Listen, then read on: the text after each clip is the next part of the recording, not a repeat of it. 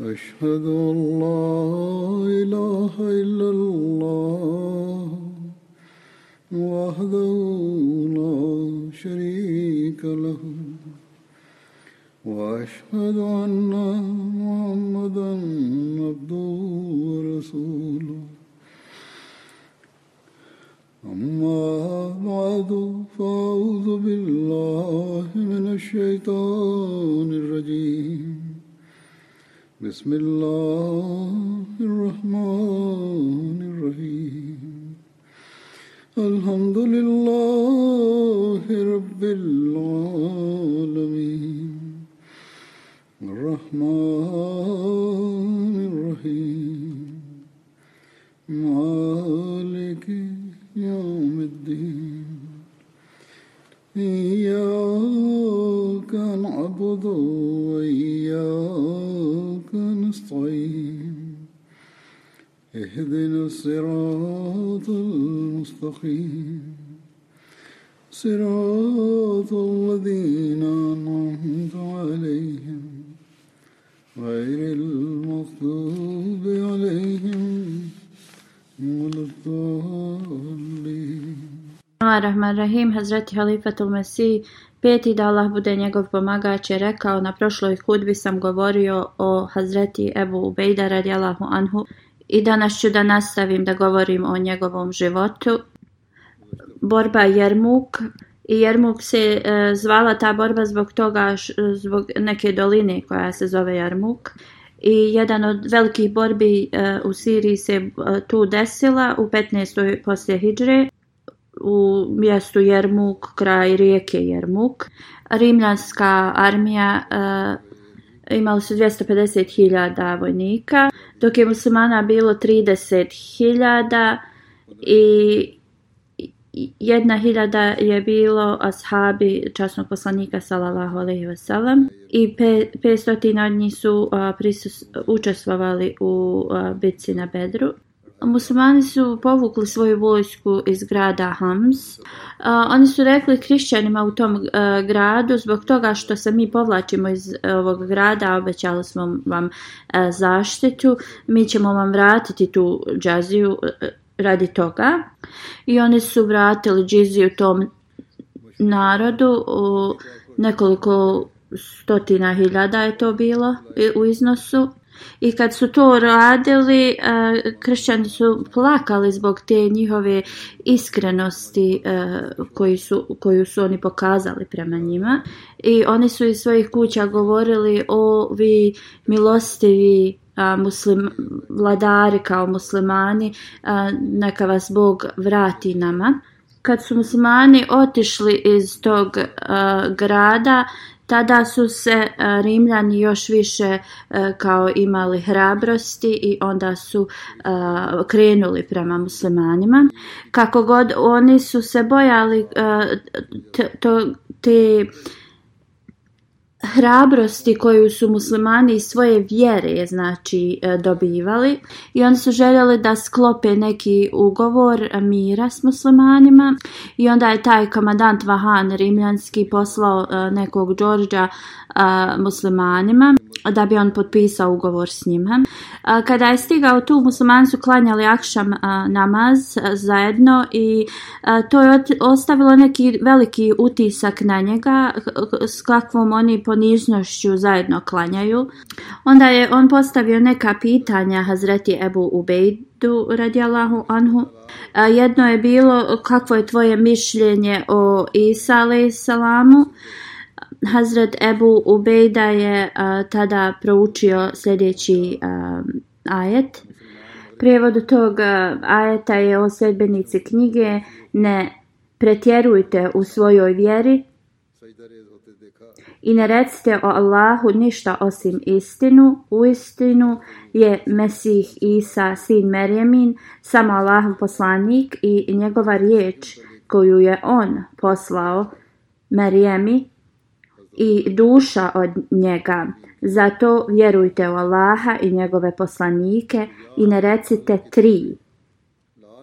Prestanite, ovo je bolje za vas. U istinu je Allah samo jedan Bog, on je čist da bi imao sina. Njemu pripada šta god je na nebesima i šta god je na zemlji, a dovoljan je Allah kao staratelj. Onda je Ebu Ubejd proučio sljedeći ajet, prijevod glasi sigurno Mesihu nikad neće biti mrsko da bude Allahov rob, niti će melekima bliskim Bogu. I taj George koji je došao kao izaslanik rimske e, vojske, on je rekao ovo je, su zaista kvaliteti Mesije i on je tada rekao da e, njihov poslanik, pos, to jeste poslanik sallallahu alejhi ve sellem je istiniti i primio je islam. I nije želio da se vrati svojoj armiji, ali Hazreti Ebu Ubejda radijallahu anhu je rekao da e, Rimljani će misliti da su muslimani prekinuli svoj ugovor i da on treba da se vrati. I rekao je da on se može vratiti njima sljedeći dan sa uh, ovim muslimanskim izaslanikom kojeg je on htio da pošalje njima. I to je, Hazreti Ebu Bejda je po, uh, pozvao kr tu kršćansku armiju da vjeruju u jednog bo boga, u islamsko uh, učenje koje uči jednakosti, uh, Sljedeći dan Hazreti Halid je otišao, ali uh, njegova, njegov odlazak nije bio uspješan i onda uh, rat je počeo. A muslimanke su bile uh, na kraju armije, one su im donosile vodu, brinule su se za ranjene i davale su uh, podršku. Hazreti Esma binti Ebi, uh, Ebu Bekar, Hazreti uh, Hind binti Utba pa, e, koja je primila islam e, kada je Meka bila pobjeđena, ona je e, žena od Ebu Sufijana redjela honu, također Umijaban i ostale su bile jedne od tih žena. Ebu Ubejda prije nego što je borba ta počela obratio se ženama i rekao je o muđahita, izašte iz svojih e, šatora, na, nakupite kao a, e, kamenja i dajte podršku e, muslimanima da se bore danas je a, vrijeme pobjede i da oni ne smiju da okrenu a, svoja leđa. Ako vidite da muslimani pobjeđuju, onda vi ostanite na svom mjestu, a ako vidite da se muslimani povlače, onda bacajte uh, ovo na njih ove kam, to kamenje kao. Ne dozvolite im da se vraćaju vamo i vraćajte ih na u, u polje uh, na borbeno polje. I uzdignite svoju djecu i recite im da idu, da, da, da žrtvuju svoje živote za, za islam. Poslije ovoga se Ebu Vejda obratio muškarcima na sljedeći način. O Allahovi sluge, priđite u, u službu uzvišenog Allaha. On će da vam pomogne i podarit će vam istrajnost. O Allahovi sluge, budite strpljivi ovo je zaista način da po postanete čisti od bilo kakvog nevjerovanja. I ovo je način na koji ćete e, dobiti Allahovo zadovoljstvo. Nemojte da raz... E, kao rastvarate, razdvajate svoje redove i nemojte da budete oni koji a, započinju a, borbu podignite svoje strijele, e, postavite svoje štitove i nastavite da e, veličate Allaha. Tako da Allah ispuni svoje volju. I oni su tako bili, e, naređeno im je da oni ne smiju da započnu tu borbu, ali kad borba počne ne smiju da okrenu svoja leđa neprijateljima. Rečeno je da ova rimska armija je da su oni imali veliki uh, krst i bili su od glave do pete uh, znači zaštićeni u, u, u najboljoj opremi.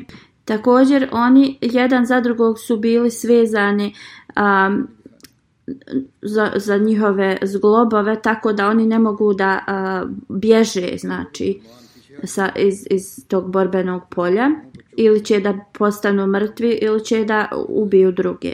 A njihovi popovi su čitali um, iz, iz uh, Biblije neke dijelove da, da im kao da povećaju taj neki moral. I ta armija nevjernika je napala isto kao eh, val iza vala okeanskog napali su na muslimane. Oni su imali oko 200 do 250 hiljada um, vojnika, a muslimani su bi imali samo 30.000 i znači počeli su da se bore i prvo su rimljani bili, uh, imali su kao uh, napredak i počeli su muslimane da, da znači pomiču nazad. Uh, I onda su oni rimljani su ispitivali gdje se nalaze ashabi poslanika sallallahu alejhi ve sellem i dali su kao najbolje svoje um, strelce da tu najviše napadaju.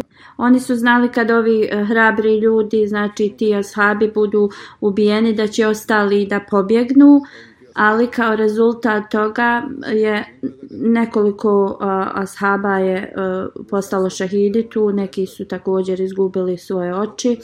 I kad je ovo vidio Ikrema Ebu Džehal, uh, e, bin Ebu Džehal, on je sin od Ebu Džehala koji je primio islam uh, kada je Meka bila pobjeđena i koji je pitao poslanika sallallahu alejhi ve sellem da se moli za njega da njegovi prija, ti prijašnji grijesi budu oprošteni Ikrima sa nekoliko svojih e, ljudi je otišao kod uh, Ebu Ubejda i rekao uh, oni ashabi poslanika sallallahu alejhi ve sellem oni su dali toliko uh, službe i žrtvovanja za islam On je rekao, dozvoli meni još nekoliko ovih ljudi da idemo direktno na komadante te armije. Ebu Ubejda radijalahu anhu je rekao, to je vrlo opasna misija.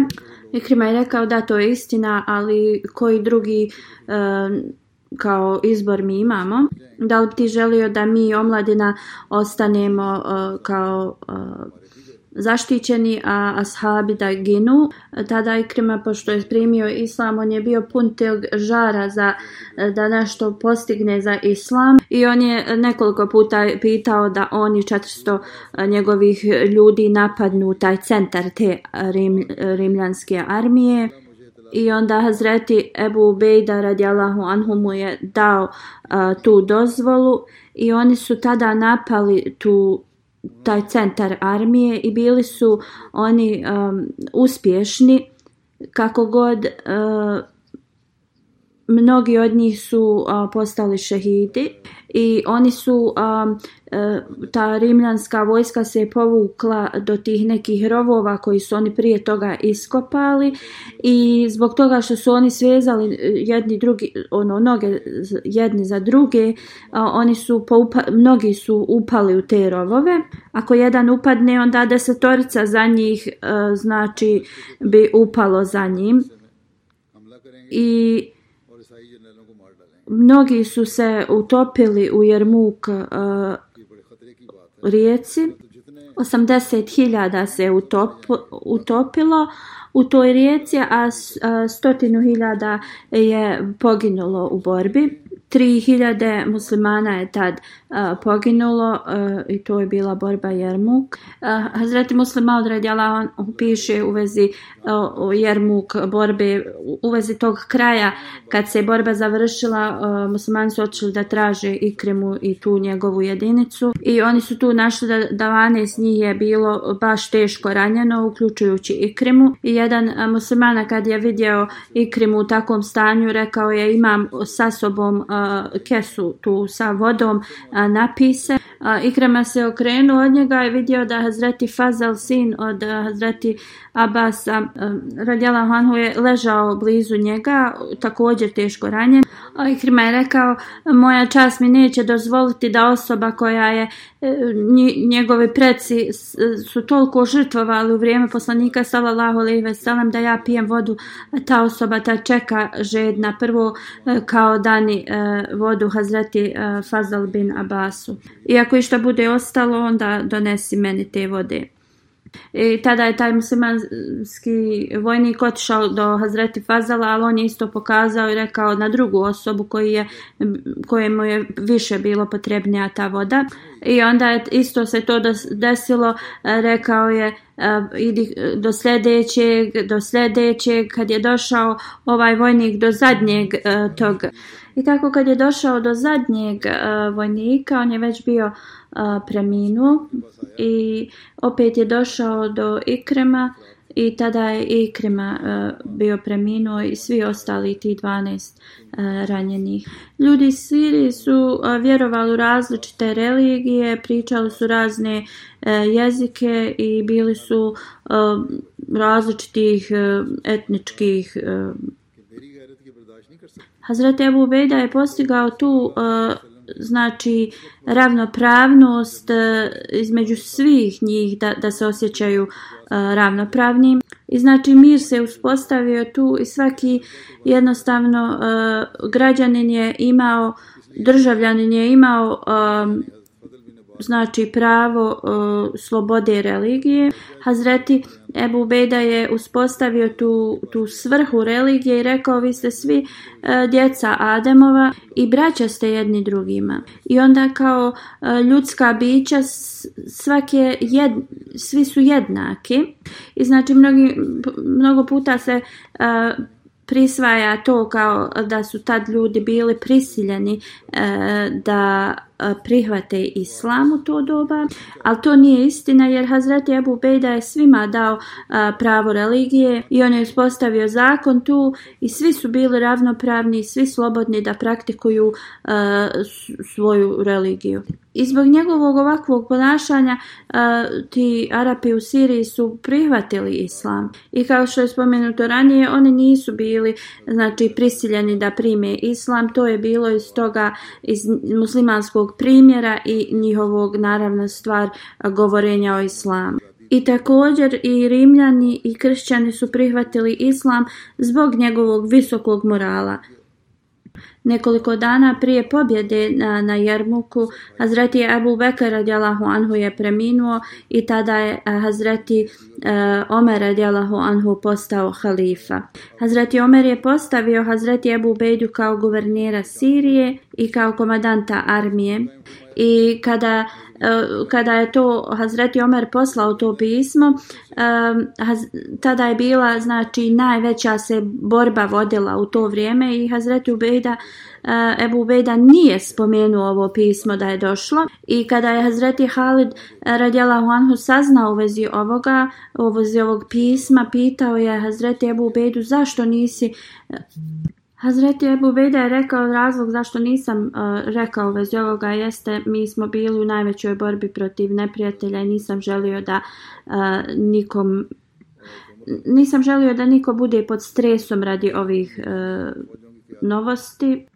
Kad su musulmani pobjedili na Jarmuku i kada je Halid radijalahu anhu se spremao sa svojom armijom da ide uh, u Irak, Hazreti Ebu Bejda je zadržao Hazreti Halida sa sobom neko vrijeme i kada je Halid bio spreman da ide, on je rekao a, uh, ljudima tim da trebaju da, da, da budu sretni jer jedan a, um, čuvar umeta je a, uh, sa njima kao njihov guverner. Naravno, to, to se odnosilo na Ebu Bejda radi Allahu anhu. Hazreti Ebu Bejda je rekao, ja sam čuo poslanika sallallahu alihi veselam da kaže da je Halid mač od, um, između, od mačeva uzvišenog Allaha. I oba dvojica komandanta su se tu razdvojila uh, na vrlo lijep uh, način, pun ljubavi i poštovanja uh, jedan prema drugom. Ovo je znači stepen uh, ispravnog vjerni, ispravnih vjernika koji nikad ne žele nikakav uh, kako se, nikakav, uh, nikakvu čast ili veličanje, niti bilo kakvu poziciju uh, neku ovo svjetsku. Jedina njihova želja je bila da uh, zadobiju zadovoljstvo uzvišenog Allaha i da uspostave Allahovo jedinstvo na ovoj zemlji. I ovi ljudi su uh, najbolji primjeri za nas ne, ovi odlični primjeri za nas i svaki uh, član odbora u džamatu ili svaki Ahmedi treba e, da se osvrće na ove primjere.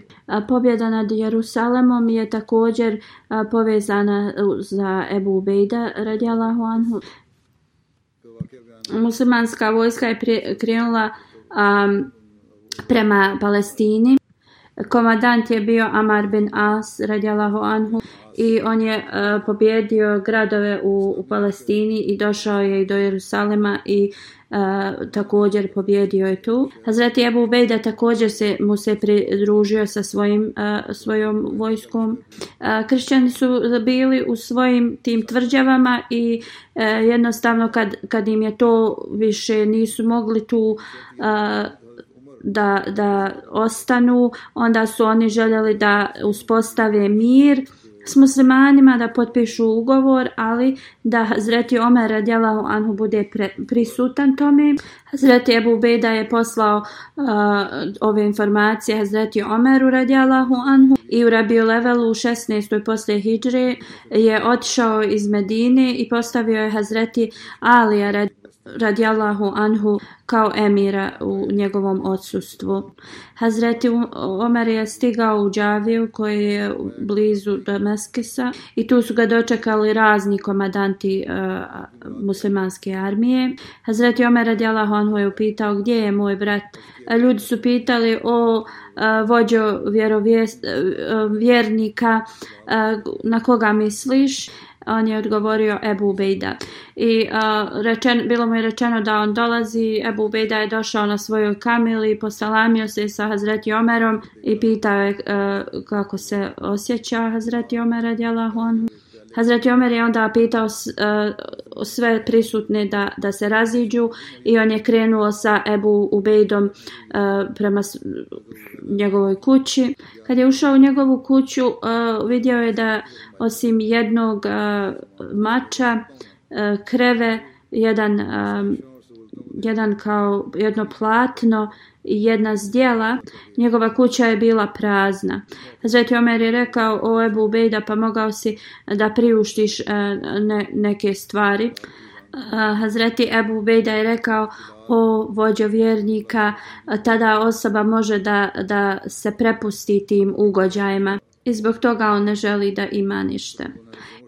U vezi pokušaja Bizantijaca da osvoje Siriju ponovo, rečeno je u 17. posle Hidžreje, da su oni e, pokušali da ponovo napadnu. E, tada su kršćani, iranci, kurdi, e, beduini u, u sjevernoj, koji su živjeli u sre, sjevernoj Siriji, e, otišli su kod e, Bizantijaca i tražili pomoć protiv muslimana.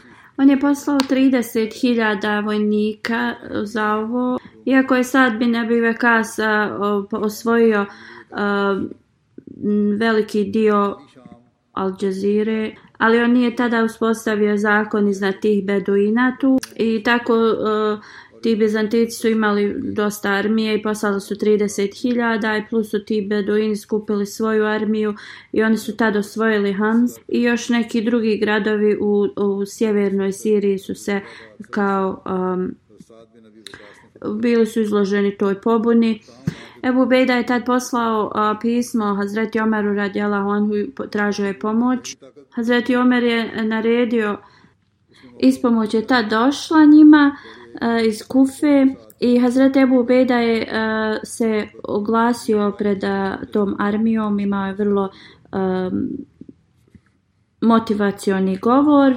Rekao je o muslimani kogod ostane istrajan danas i a, doživi da vidi uh, svjetlo dana, bit će mu uh, pobjeda data i, i bogatstvo. Ako god bude uh, ubijen, dobit će uh, blagoslove uh, še, šehidstva. I svjedočim da sam čuo poslanika sallallahu alaihi ve sellem kad je rekao da kogod umre u, u, u tom stanju da nije idalo poklonik, uh, ući će u dženet. Bitka ta odpočeta, ali uh, Bizantijci su bili poraženi i posle ovoga ovaj bizantijski e, car on nije nikad više uspio da o, pobjedi Siriju. Hazreti Abdullah bin Abbas prenosi kad je Hazreti Omer radijallahu anhu došao do Sarh, a, to je e, jedno selo blizu a, e, Tabuka i blizu je Sirije i Hidžaza i otprilike je bilo 13 a, e, dana hoda do Medine i prema historijskim e, starijim a, e, zapisima tako se a, e, ta distanca mjerila. Otprilike je to hiljadu milja udaljeno. I kada je tu stigao Hazreti Omer, a, sastao se sa Ebu Ubejdom, komadantom, Radjala Honhu i njegovim a, tim a, drugovima.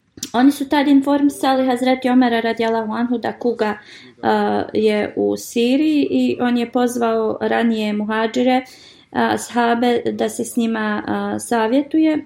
I znači oni su imali različito uh, mišljenje, neki su govorili da trebaju da nastave, dok drugi su govorili da zato što se na, tu nalaze uh, znači ashabi koji su bili uh, Ashabi poslanika sallallahu alejhi ve sellem časni ashabi da nije u redu da se oni vode u to mjesto gdje ima kuga i kao da je bolje da se oni vrate Hazrat Omer radijallahu anhu je rekao muhadžirima da oni izađu i onda je pozvao uh, ensarije i pitao ih o njihovom mišljenju I isto su Ensarije imale kao muhađeri e, nesloženo mišljenje. Onda je Hazreti Omer Adjala Anhu pozvao starije iz Kurejši plemena, oni su svi se složili da treba da se oni vrate u Medinu e, i da ne trebaju da idu u mjesto gdje ima kuga.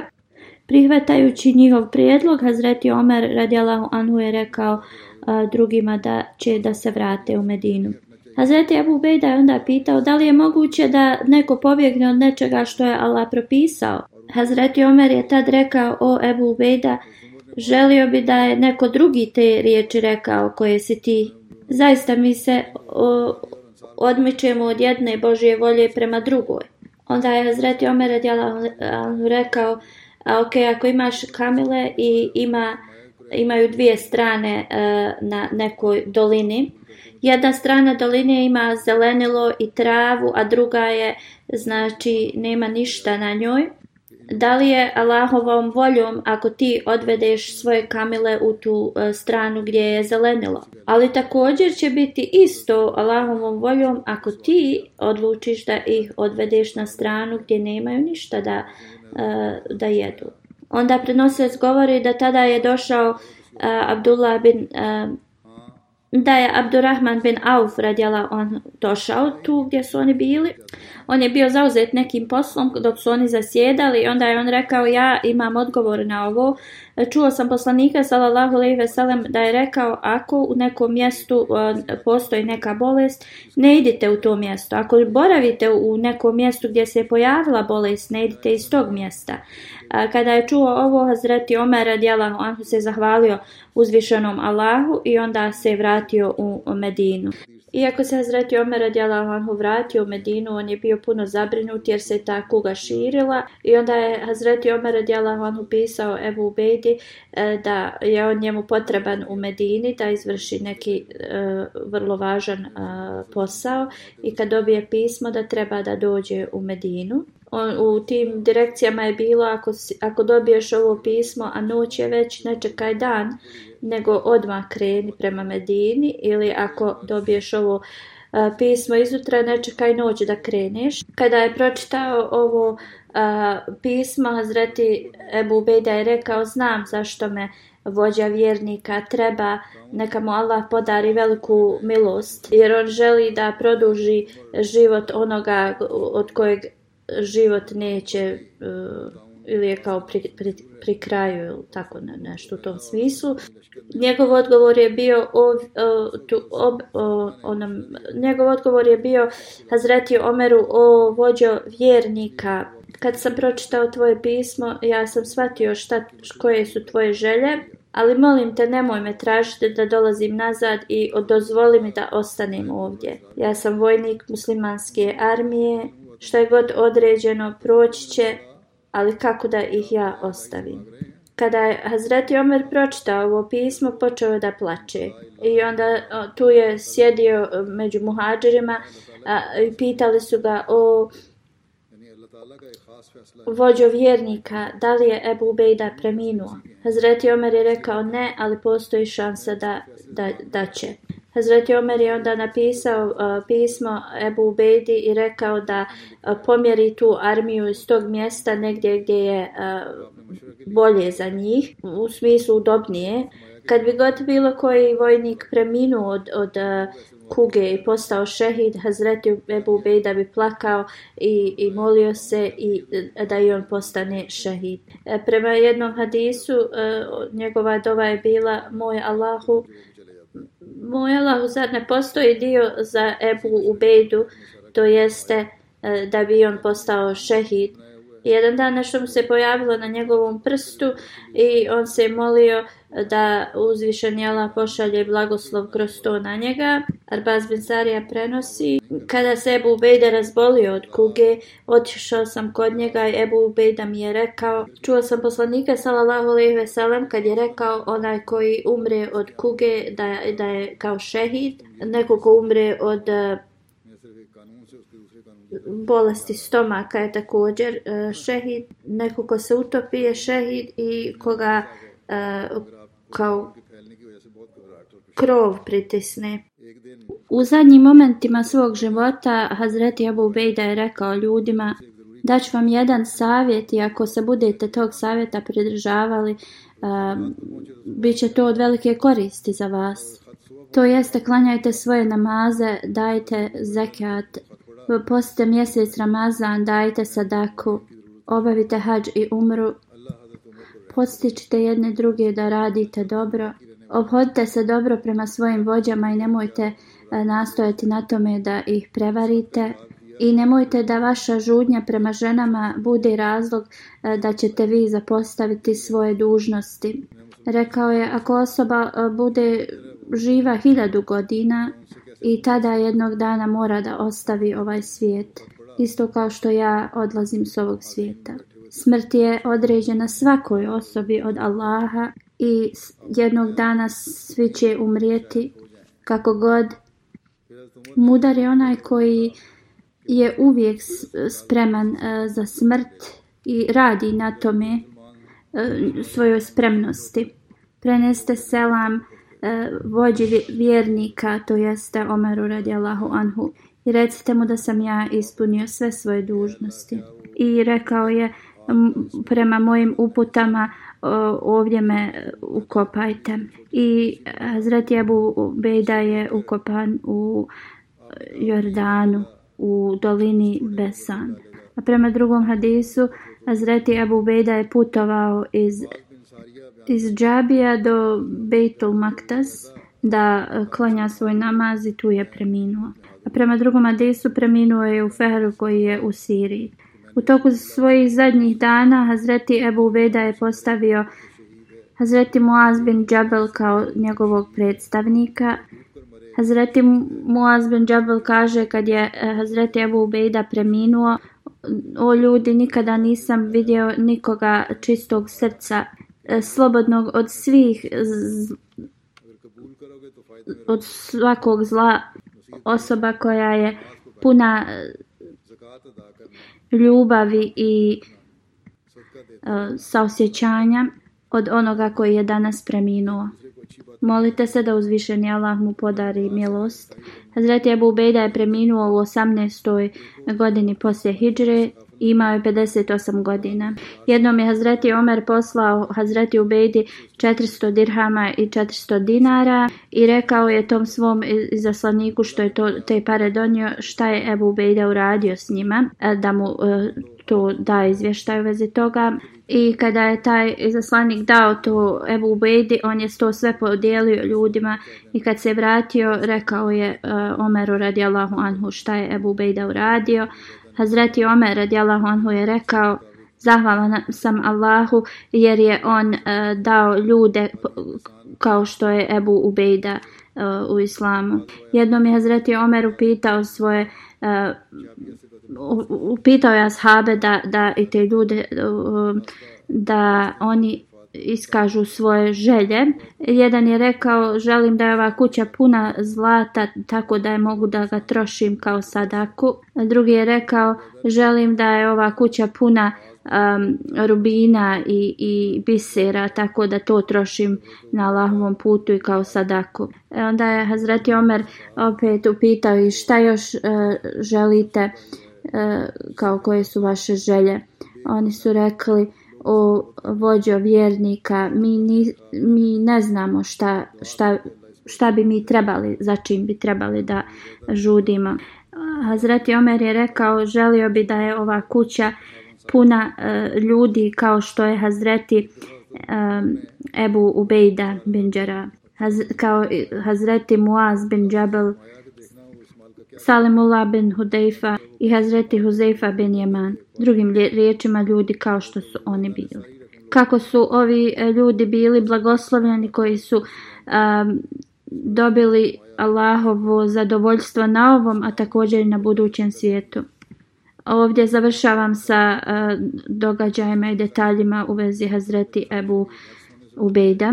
Sada ću da, uh, kla, da klanjam, da spomenem uh, i klanjam poslije džume uh, E, neke dženaze u odsustvu. Prva je od, prvo ću spomenuti profesora Najmudin Katak Saheb e, koji je šehid. E, ubijen je 5. oktobra u 1.30 posle podne. Protivnici Ahmedija Džamata su ga upucali. Inalilah vejna ilih rađi un, sve smalahove njemu sa vraćama. E, on je se vraćao s posla, on predaje na e, visokom e, fakultetu nauka.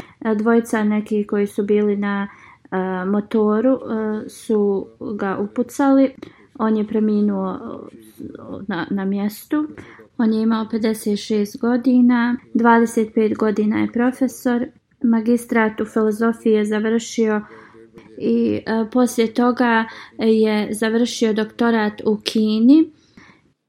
Ahmedijat je došao preko njegovog e, djeda e, s očeve strane, Rukmudin Katak Sahib i njegova e, nena s očeve strane.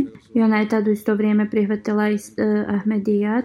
Šer Zaman, e, otac njegove e, nene i njegov pradjed je bio ashab obećanog mesija alaih salama obećani mesar je njemu dao jednu uh, košulju kad se on vraćao iz Kadijana i dan danas ta je košulja u njihovoj uh, porodici. A njegov otac je bio uh, veterinar koji je uh, u penziji i također je bio um, volio da piše poeziju. Njegova majka je bila na visokoj edukaciji glavna. Njegov punac je također bio uh, advokat i on je bio kidnapovan u 2019. godini i do dan danas se ne zna gdje je on. Sad je Buša sajba, njegova supruga kaže sedam dana ranije je otišao u Rabu i posjetio je Bahišti Makbara i rekao mi je da bi želio da bude ukopan u to eh, mezarje ali također je rekao da možda on nije zaslužan da bude tu uh, ukopan. Kako god uzvišen je, Allah je ispunio njegovu želju i on je bio ukopan u rabivi. Naimudin Katak Saheb uh, e, Z, doktor e, Munir Ahmed Saheb, koji uh, radi u Tahir Heart Institute u Rabvi, uh, kaže da je e, neki profesor na tome univerzitetu bio veliki e, protivnik džamata i on bi uvijek e, pokazivao njegovu sliku i sliku njegove porodice ovim oponentima džamata. I također taj isti profesor je stavljao razne natpise ispred njegove kuće koji pozivaju ljude da budu protiv džamata, Njegov brat e, ili zet kaže e, kad je Najmudin Saib došao e, jednu sedmicu prije, ga je, prije nego što je postao šehid ga je posjetio. On kaže ja sam ga pozvao da jede s nama ali on je rekao da će da ide da jede iz langar. To jeste ona javna kuhinja koju je započeo obećani Mesija alaih salam. Rekao je te blagoslovi ko u toj hrani se nigdje ne mogu drugo naći i rekao je da će jesti s njima drugi put. On iza sebe ostavlja svoju suprugu Sadija na svim sajba, tri čerke i dva sina. Jedna njegova čerka je udata, dok druge dvije e, su e, i dalje studiraju. Jedan njegov sin je inženjer, dok još e, drugi e, je u školi. E, školuje se. E, on se zove Kalimudin Katak, Nuredin Katak. Nuridin Katak, e, on je u prvoj svojoj godini, a Kalamudin je inženjer. Navid Ahmed Zaid, njegov rođak koji služi u džamatu, on je e, emir e, pašavar džamata. Da uzvišen jela podari milost na umrlog i, i da njegovom, njegovoj porodici podari sabor i istrpljenje. U sama Sadek je druga džanaza, On je student iz džamija Ahmedija u Njemačkoj, sin Muhameda Sadik Sahiba. Nekoliko dana prije se utopio u Rajn e, rijeku u Njemačkoj i preminuo je na Lilahvena ili Radio. Zaista smo Allahovi njemu se vraćamo. Imao je 20 godina kad je preminuo. On je bio najmlađi od uh, svoje braće i sestara. Iza sebe ostavlja pet sestara, uh, jednog brata i svoje roditelje. S očeve strane Ahmedijat je došao u vrijeme u njihovu porodicu u vrijeme Hazreti Muslima Uda radijala honu. E, njegov djed i dvojica njegovih braće su uh, prihvatili Ahmedijat. Poslije su njegova dvojica braće od djeda napustali Ahmedijat, ali njegov djed je ostao u Ahmedijatu. Hazreti Shah Muhammed Sahib je bio njegov pradjed s majkine strane i Ahmedijat je došao preko njega i, uh, on, i njegovog uh, od pradjeda otac i oni su bili as, uh, ashabi obećanog Mesija alaih salama. 1903. su dali bejat uh, u ruci obećanog Mesija alaih salama. 1989. godine u tom mjestu gdje, gdje su njegovi roditelji rođeni u Pakistanu uh, situacija se pogaršala. Mnoge pobune su se izvršavale protiv Ahmedi muslimana. I njegovi roditelji su također prošli kroz te a, eh, progone. A, eh, njegova majka je bila a, eh, napadnuta, a otac mu je bio optužen, a, lažno optužen. Onda su oni preselili a, u Njemačku. A, on je završio u, u sama sajeb, a, ovaj mama koji se utopio, završio je osnovnu školu u Pakistanu. I onda kad su došli u Njemačku, upisao se u džamija Medija i sad je tek bio završio treću godinu. Allahovom odlukom on je e, se vratio svom gospodaru. Njegov otac piše koliko god da pokušam da, da e, opišem njega neće biti dovoljno jer u svom kratkom životu je postigao toliko toga. On kaže on je bio uzor uh, djeci i uh, uvijek je provodio svoje vrijeme u učenju i zadnjih šest mjeseci zbog korone on je uh, od kuće uh, pohađao školu. On je uh, postio mjesec Ramazan, vod, uh, on je predvodio um, teraviju, planirao je posle raspusta da se vrati u džamija Medija. Uh, ali je preminuo. Njegova majka kaže posjedovao je mnoga do, dobre karakteristike. Vrlo je bio pažljiv i sve bi završavao na vrijeme. Bio je vrlo jednostavan i samo bi govorio kad je baš potrebno da se priča. Bio je vrlo po, poslušan svojim roditeljima, istrajan, imao je veliku disciplinu pokušavao je da bude uh, dobar uh, u, u raznim jezicima i veliki je fokus okrenuo prema arapskom, perzijskom, engleskom i njemačkom jeziku. Ferid Saheb, nacionalni sekretar za terbijetu u Njemačkoj, piše Osama je posjedovao mnoge kvalitete, dobre kvalitete, jedan od toga da e, je volio da a, pri, a, e, učestvuje u tablik aktivnostima to jeste širenje e, poruke Islama. I tri dana prije svoje smrti e, putovao je tri dana um, sa grupom, oni su dijelili uh, brošure džamatske. Kad bi god bio upitan da te brošure dijeli, nikada nije rekao ne. I sa velikom željom bi on učestvovao Suhejb Nasir Saheb, koji je misionar i koji je završio školu u Njemačkoj, piše Iako je Osama Saeb e, četiri godine mlađi od mene, on je e, bio primjer u, u neko ko ispunjava svoje namaze na način na koji on klanja. On kaže često bi dolazio prvi u džamiju, sjedao u prvi saf, klanjao na file i poslije namaza bi ostajao i ura, e, ura, radio bi, učio bi zikr. On je bio od studenta koji bi prvi dolazili u džamiju, a zadnji odlazili. On je bio vrlo ozbiljan u vezi svog, svog školovanja u džamiji da uzvišen je Allah mu podari svoju milost, uzdigne njegov status i da podari njegovo, njegovim roditeljima i braći i, i, i sestrama sabor. Selim Ahmed Malik sahib je sedeća džanaza on je uh, u svom životu bio u edukativnom obrazova, obrazovnom uh, s, s, uh, smjeru. Poslije penzionisanja on je onda počeo da služi u džami Ahmedija UK.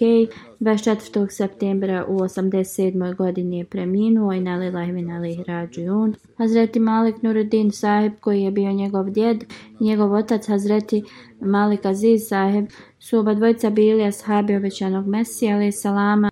Njegova majka uh, je spomenula uh, u vezi uh, oče, njegovog oca uh, porodice da uh, mnogi su uh, premrli u njegovoj očevoj porodici zbog neke bolesti i um, njegova uh, nena se obratila zreti molbi Hakim Nurudin Saheb u kakvom stanju je bil, bilo njeno djete. Hazreti molbi uh, Nurudin uh, Saib radijalahu anhu je odma otišao u njihovu kuću i rekao je da je da dijete ima vrlo male šanse da preživi i jedino molitve sad mogu da ga uh, sačuvaju i onda Hazreti Halifatul Mesi prvi je otišao kod uh, obećanog Mesija alaih salama i tražio je od obećanog Mesije da se moli za to dijete i to sreo je uh, obećanog Mesiju na stepenicama Mešćid Aksa i tu ga je zamolio.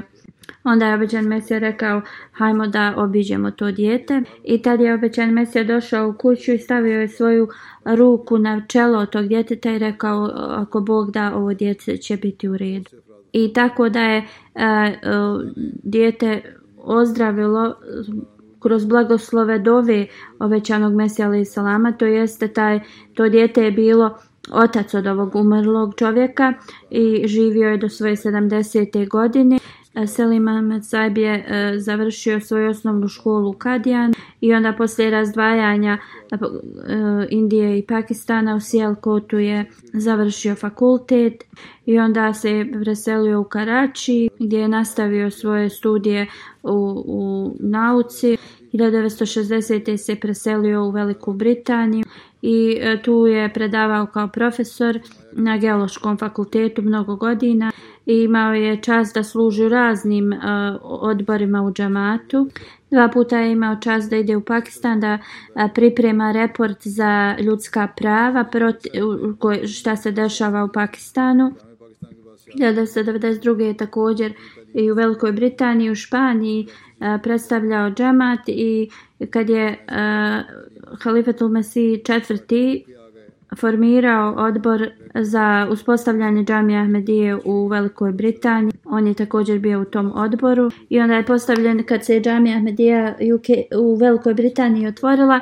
On je bio glavni administrator i do 2005. je uh, to služio. Uh, i također je učio, e, predavao engleski i historiju u studentima u džami Ahmedija Velikoj Britaniji i to je radio do njegove smrti. E, kada je Islamabad bio kupljen e, pod naredbom Halifatul Mesih IV. Rahmela,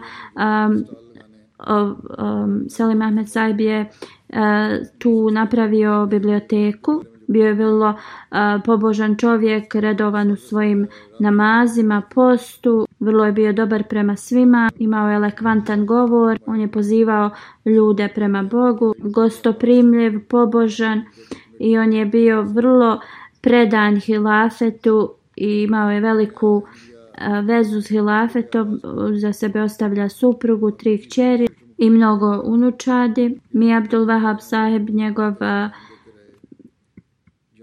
bratić. Kaže, rekao mu je u 1960. kad se pre, preselio u Veliku Britaniju da njegov otac mu je dao neke savjete.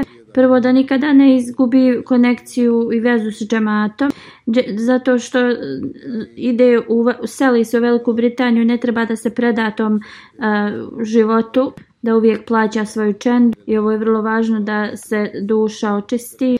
I treće, ako ga ikad iko upita za pomoć, nikada to ne odbije. Nije važno koliko to će da mu donese poteškoća. Selim Saib je rekao da je uvijek to pokušavao da ispuni ovaj savjet svog roditelja. On također govori, ako ovo nisam čuo od njega, neki je prijatelj rekao da mu je nekad bila potrebna velika e, suma novca. Selim Saeb je prodao svoju kuću da bi pomagao toj osobi. Posle uzvišenja Allah mu je dao još veću kuću se kaže, on je bio vrlo obrazovana osoba i kad sam ga na početku upoznao, mislio sam da, da on ima veliko obrazovanje i da podučava engleski, ali posle sam shvatio da on uh, ima veliku uh, iskrenost i, i, i pobožnost i da je bio spreman služiti džamat uvijek i da je imao veliku vezu s hilafetom. Što se tiče njegovog znanja, bio je kao, e, en, kao hodajuća um, enciklopedije imaju znanja na, u svakom o, pogledu, posebno u historiji.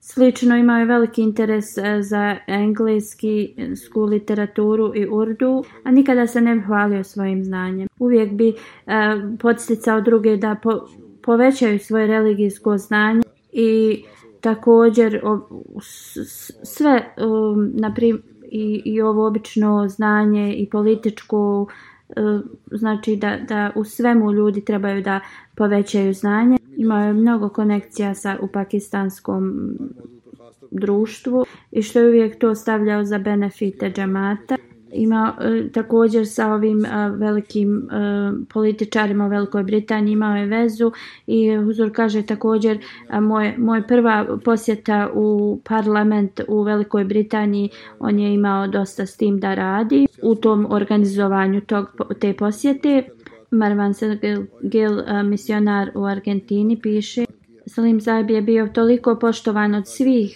džamija studenta uključujući mene ali e, kada sam završio e, školu onda onda posle toga ova jednostavno konekcija s njim na na osno na osobnom e, to, tom e, prijateljstvu se uspostavila između njih i kada sam bio poslan u Argentinu da služim on je bio vrlo zadovoljan i rekao je ti si kao prvi tu uh, misionar i zato imaš mnogo posla tu da radiš i moraš da osvjetliš na ime našeg džemata i trebaš da propovjedaš vjeru na odličan način, ali što je najvažnije da naučiš njihov lokalni e, jezik do te mjere da možeš da jednostavno e, izdaješ u njihovim novinama svoje članke.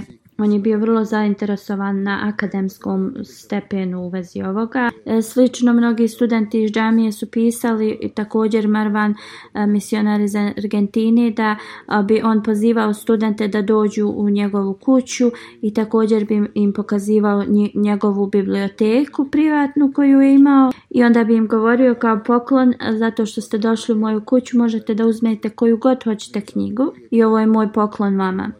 Selim Saheb bi uvijek govorio da džamija Ahmedija nije obična institucija i da Halifatul Mesih ima velika očekivanja. I svi studenti tu koji su pri, prisutni moraju e, da imaju veliko znanje. Marvan Saheb dalje piše on kaže prije nego što sam otišao u Argentinu dao mi je savjet da uh, u, toliko uh, imam stepen toga jezika u Argentini da mogu da uh, objavim svoje članke u njihovim novinama i također mi je rekao da mu redovno pišem iako i kad budem uh, kao lijen da to radim on će da me um, da me kontaktira uzvišeni Allah podari e, njemu svoju milost i opros i ove koje ostavlja iza sebe svoju potomstvo e, da nastave e, kao što je on i da ima veliku vezu s džematom, da imaju veliku vezu džematom uz hilafet i džemat. Poslije džume klanjaću im njihove dženaze u odsustvu.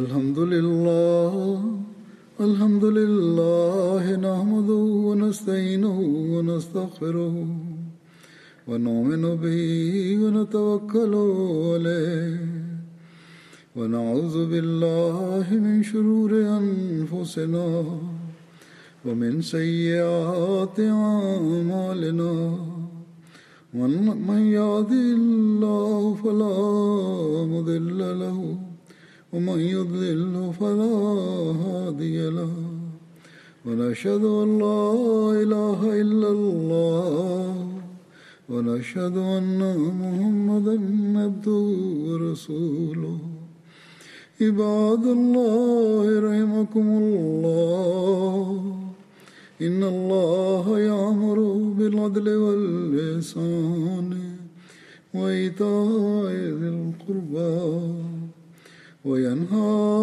عن الفحشاء والمنكر والبغي يعظكم لعلكم تذكرون اذكروا الله يذكركم ودوه يستجب لكم ولذكر الله أكبر